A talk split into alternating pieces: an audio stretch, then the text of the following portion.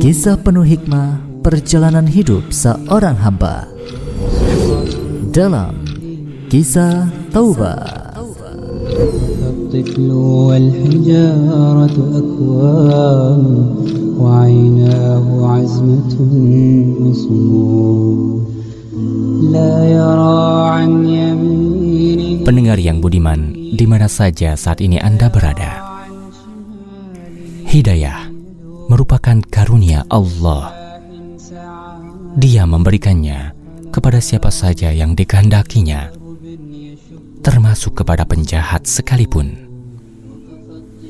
Imam Ad-Dhahabi pernah menceritakan kisah seorang pencuri yang bertaubat, kemudian dia menjadi seorang ulama besar di zamannya. Dialah Al-Fudail bin Iyad. Siapa sangka imam besar para tabi'in Al-Fudail bin Iyad dulunya adalah seorang penyamun yang menghadang orang-orang di daerah antara Abu Warda dan Sirjis. Seorang tetangga Fudail bin Iyad berkata, Fudail bin Iyad adalah perampok hebat sehingga tidak memerlukan partner atau tim dalam merampok. Suatu malam, dia pergi untuk merampok. Tak berapa lama, ia pun bertemu dengan rombongan kafilah. Sebagian anggota kafilah itu berkata kepada yang lain, "Jangan masuk ke desa itu, karena di depan kita terdapat seorang perampok yang bernama Fudail." Mendengar percakapan anggota kafilah itu, ternyata tubuh Fudail bin Iyab gemetar hebat. Dia tidak mengira bahwa orang-orang sampai setakut itu terhadap gangguan dirinya. Ia merasa betapa dirinya ini memberi mudarat dan bahaya bagi orang lain. Fudail pun berkata, Wahai kafilah, akulah Fudail. Lewatlah kalian. Demi Allah, aku berjanji berusaha tidak lagi bermaksiat kepada Allah selama-lamanya.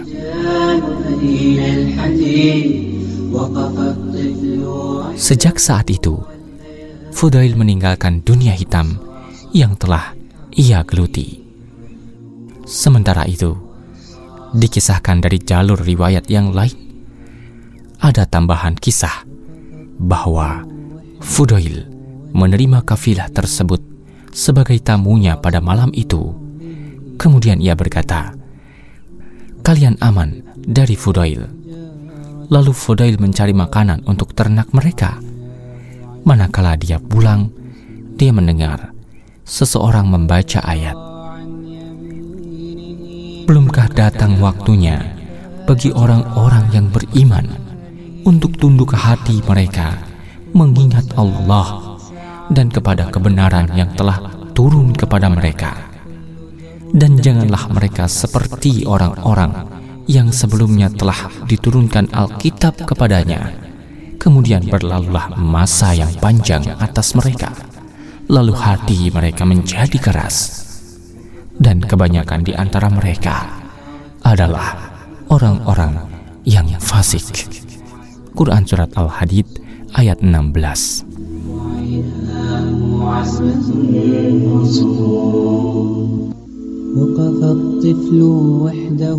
Mendengar ayat tersebut, Fudail berkomentar, Berita-berita kami ditampakkan. Jika engkau ya Allah menampakkan keadaan kami, maka apa yang kami sembunyikan pasti akan terlihat dan kami akan malu. Jika engkau menampakkan amalan kami, maka kami akan celaka karena azabmu.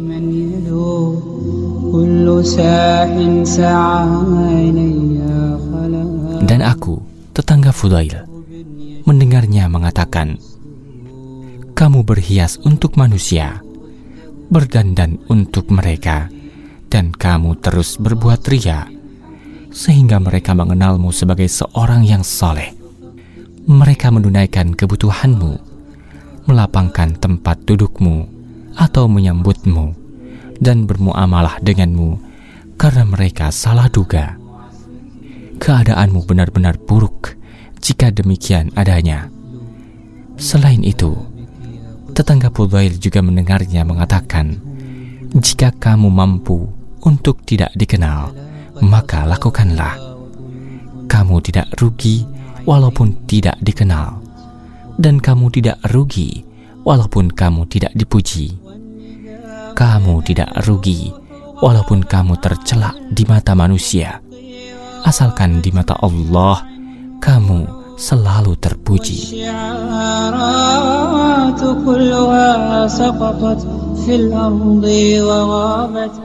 Pendengar yang budiman, ayat itulah yang menyadarkan seorang pembegal yang ditakuti, Fudail bin Iyad, dari kelalaian yang panjang Hingga akhirnya beliau menjadi ulama senior di kalangan tabi'in, sekaligus dikenal sebagai ahli ibadah yang zuhud. Ayat itu pula yang telah menjadi teguran halus sekaligus menohok terhadap orang-orang yang telah menyatakan dirinya beriman.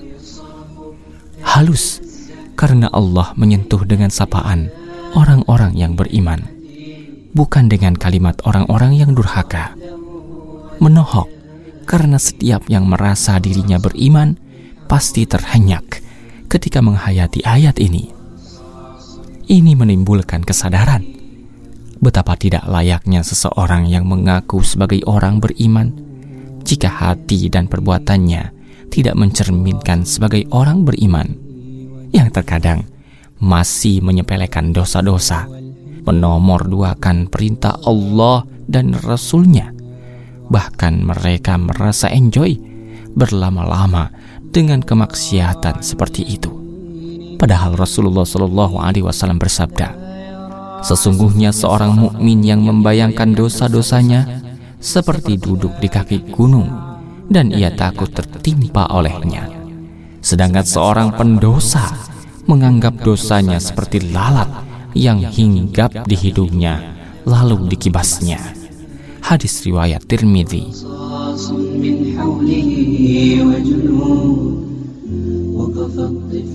Pendengar yang berbahagia, para sahabat Nabi yang demikian taat pun menganggap bahwa ayat tadi sebagai teguran untuk mereka. Abdullah bin Abbas mengatakan, Sesungguhnya Allah menganggap lambatnya hati orang-orang dalam merespon ayat-ayatnya Lalu Allah menegur mereka dengan ayat tadi setelah 13 tahun sejak diturunkannya ayat. Pendengar, jika para sahabat Nabi saja merasa ditegur oleh Allah dengan ayat ini, padahal mereka adalah generasi terbaik dari umat ini, seharusnya kita lebih merasa seperti itu. Sebab kitalah yang lebih layak menjadi objek dari teguran Allah dalam ayat ini. Memang kita telah banyak mendengar ayat Allah dibacakan, mempelajarinya, bahkan mengamalkan dan mendakwahkannya. Alhamdulillah. Namun jujur, kadang hati dan jasad kita belum juga khusyuk dan tunduk terhadap perintah dari Allah. Ayat-ayat dan hadis Nabi Shallallahu Alaihi Wasallam tentang larangan sering pula mampir di telinga. Ancamannya pun kerap kita baca. Namun, seberapakah efek peringatan itu terhadap hati dan tindakan kita? Oleh sebab itu, membaca ayat tadi mestinya membuat kita tersadar. Allah masih memberi kesempatan kita untuk bertaubat dan menyuruh kita bersegera kembali kepadanya setelah sekian lama teledor dan lalai. Pendengar yang budiman, kisah taubat Fudail bin Iyad merupakan sebuah kisah yang luar biasa. Bagaimana seorang perampok yang ditakuti bisa menjadi takut dan kembali ingat kepada Allah setelah mendengarkan ayat Al-Quran. Padahal hari ini banyak manusia, mungkin termasuk kita di dalamnya, yang bukan seorang perampok, bukan juga orang yang dikenal sebagai penjahat atau orang yang terbiasa melakukan dosa secara terang-terangan.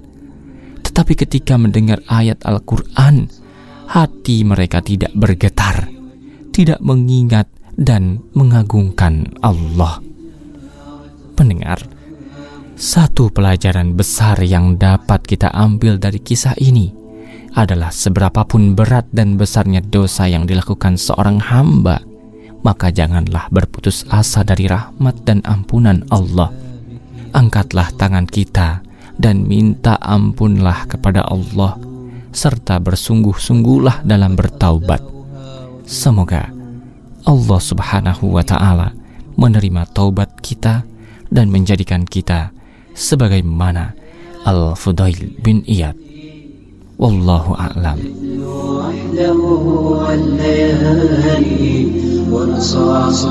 من حوله